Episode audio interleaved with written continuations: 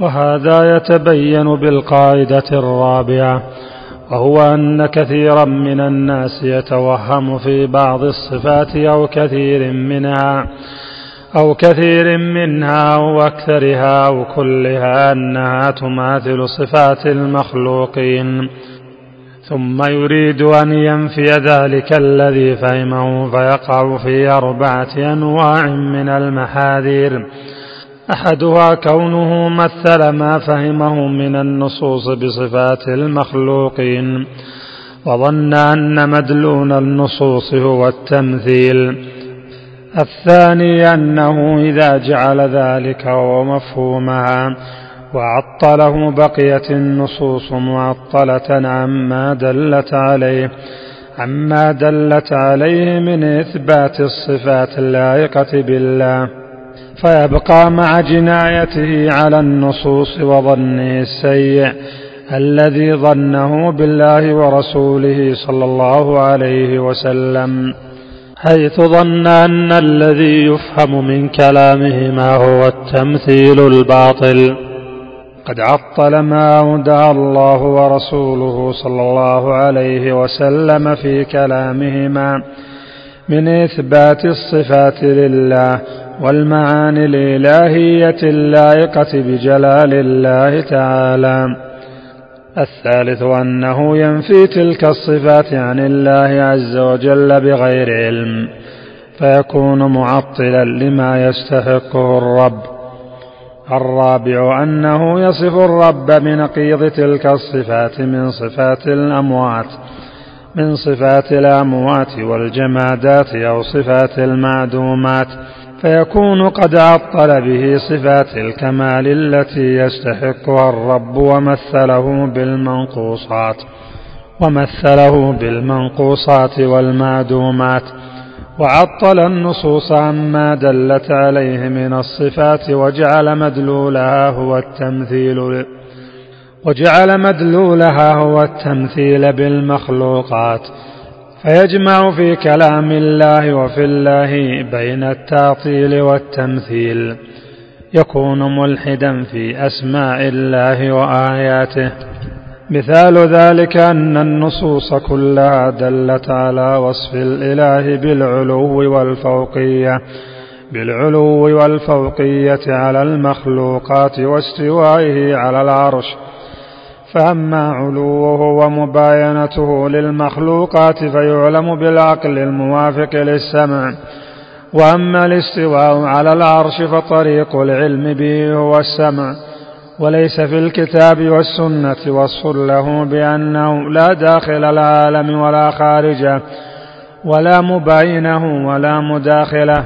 فيظن المتوهم أنه إذا وصف بالاستواء على العرش كان استواؤه كاستواء الإنسان على ظهور الفلك والأنعام كقوله وجعل لكم من الفلك والأنعام ما تركبون. وقال لتستووا على ظهوره. فيخيل له أنه إذا كان مستويا على العرش كان محتاجا إليه. كحاجة المستوي على الفلك والأنعام فلو غرقت السفينة لسقط المستوي عليها ولو عثرت الدابة ولو عثرت الدابة لخر المستوي عليها فقياس هذا أنه لو عدم العرش لسقط الرب سبحانه وتعالى. ثم يريد بزامه أن ينفي هذا فيقول ليس استواؤه بقعود ولا استقرار. ولا يعلم أن مسمى القعود والاستقرار يقال فيه ما يقال في مسمى الاستواء فإن كانت الحاجة داخلة في ذلك فلا فرق بين الاستواء والقعود والاستقرار وليس هو بهذا المعنى مستويا ولا مستقرا ولا قاعدا وإن لم يدخل في مسمى ذلك إلا ما يدخل في مسمى الاستواء. فإثبات أحدهما ونفي الآخر تحكم. وقد علم أن بين مسمى الاستواء والاستقرار والقعود فروقا معروفة. ولكن المقصود هنا أن يعلم خطأ من ينفي الشيء مع إثبات نظيره. وكأن هذا الخطأ من خطئه في مفهوم استوائه على العرش حيث ظن أنه مثل استواء الإنسان على ظهور الأنام والفلك. وليس في هذا اللفظ ما يدل على ذلك لأنه أضاف الاستواء إلى نفسه الكريمة كما أضاف إليه سائر أفعاله وصفاته فذكر أنه خلق ثم استوى كما ذكر أنه قدر فهدى وأنه بنى السماء بأيد وكما ذكر أنه مع موسى وهارون يسمع ويرى وأمثال ذلك. فلم يذكر استواء مطلقا يصلح للمخلوق ولا عاما يتناول المخلوق كما لم يذكر مثل ذلك في سائر صفاته وإنما ذكر استواء أضافه إلى نفسه الكريمة. فلو قدر على وجه الفرض الممتنع أنه هو مثل خلقه تعالى عن ذلك لكان استواءه مثل استواء خلقه. أما إذا كان هو ليس مماثلا لخلقه بل قد علم أنه الغني عن الخلق وأنه الخالق للعرش ولغيره وأن كل ما سواه مفتقر إليه وهو الغني عن كل ما سواه وهو لم يذكر إلا استواء يخصه لم يذكر استواء يتناول غيره ولا يصلح له. كما لم يذكر في علمه وقدرته ورؤيته وسمعه وخلقه إلا ما يختص به. فكيف يجوز أن يتوهم أنه إذا كان مستويا على العرش كان محتاجا إليه؟ وأنه لو سقط العرش لخر من عليه. سبحانه وتعالى عما يقول الظالمون والجاحدون علوا كبيرا. هل هذا إلا جهل محض وضلال ممن فهم ذلك وتوهمه أو ظنه ظاهر اللفظ ومدلوله أو جوز ذلك على رب العالمين.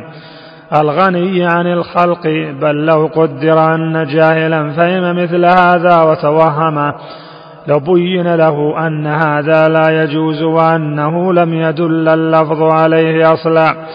كما لم يدل على نظائره في سائر ما وصف به الرب نفسه. فلما قال سبحانه وتعالى والسماء بنيناها بأيد فهل يتوهم متوهمنا أن بناءه مثل بناء الآدمي المحتاج؟ المحتاج الذي يحتاج إلى زنبيل ومجارف وضرب وضرب لبن وجبل طين وأعوان. ثم قد علم أن الله تعالى خلق العالم بعضه فوق بعض ولم يجعل عاليه مفتقرا إلى سافله فالهواء فوق الأرض وليس مفتقرا إلى أن تحمله الأرض والسحاب أيضا فوق الأرض وليس مفتقرا إلى أن تحمله والسماوات فوق الأرض وليست مفتقرة إلى حمل الأرض لها. فالعلي لا على رب كل شيء ومليكه. إذا كان فوق جميع خلقه كيف يجب أن يكون محتاجا إلى خلقه أو عرشه؟ أو كيف يستلزم علوه على خلقه هذا الافتقار؟ وهو ليس بمستلزم في المخلوقات. وقد علم أن ما ثبت لمخلوق من الغنى عن غيره فالخالق سبحانه وتعالى أحق به وأولى وكذلك قوله أأمنتم من في السماء أن يخسف بكم الأرض؟ فإذا هي تمر من توهم أن مقتضى هذه الآية أن يكون الله في داخل السماوات فهو جاهل ضال بالاتفاق. وإن كنا إذا قلنا إن الشمس والقمر في السماء يقتضي ذلك فإن حرف في متعلق بما قبله وبما بعده فهو بحسب المضاف إليه ولهذا يفرق بين كون الشيء في المكان وكون الجسم في الحيز وكون العرض في الجسم وكون الوجه في المراة وكون الكلام في الورق. فإن لكل نوع من هذه الأنواع خاصة يتميز بها عن غيره وإن كان حرف في مستعملا في ذلك فلو قال قائل العرش في السماء أو في الأرض لقيل في السماء ولو قيل الجنة في السماء أم في الأرض لقيل الجنة في السماء ولا يلزم من ذلك أن يكون العرش داخل السماوات بل ولا الجنة فقد ثبت في الصحيح عن النبي صلى الله عليه وسلم أنه قال إذا سألتم الله الجنة فاسألوه الفردوس فإنه أعلى الجنة وأوسط الجنة وسقفها عرش الرحمن. فهذه الجنة سقفها الذي هو العرش فوق الأفلاك مع أن الجنة في السماء. والسماء يراد به العلو سواء كانت فوق الأفلاك أو تحتها. قال تعالى فليمدد بسبب إلى السماء وقال تعالى وأنزلنا من السماء ماء طهورا ولما كان قد استقر في نفوس المخاطبين أن الله هو العلي الأعلى وأنه فوق كل شيء. كان المفهوم من قوله إنه في السماء أنه في العلو وأنه فوق كل شيء. وكذلك الجارية لما قال لها أين الله؟ قالت في السماء. إنما أرادت العلو مع عدم تخصيصه بالأجسام المخلوقة.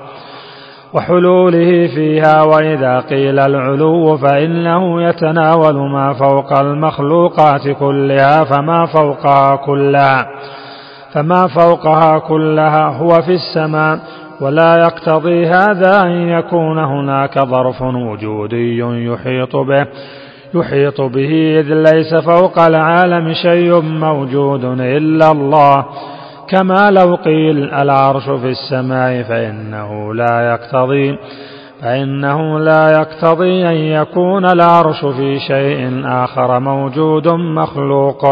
وإن قدر أن السماء المراد بها الأفلاك كان المراد إنه عليها كما قال ولأصلبنكم في جذوع النخل.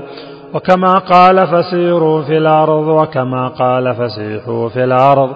ويقال فلان في الجبل وفي السطح وإن كان على أعلى شيء فيه.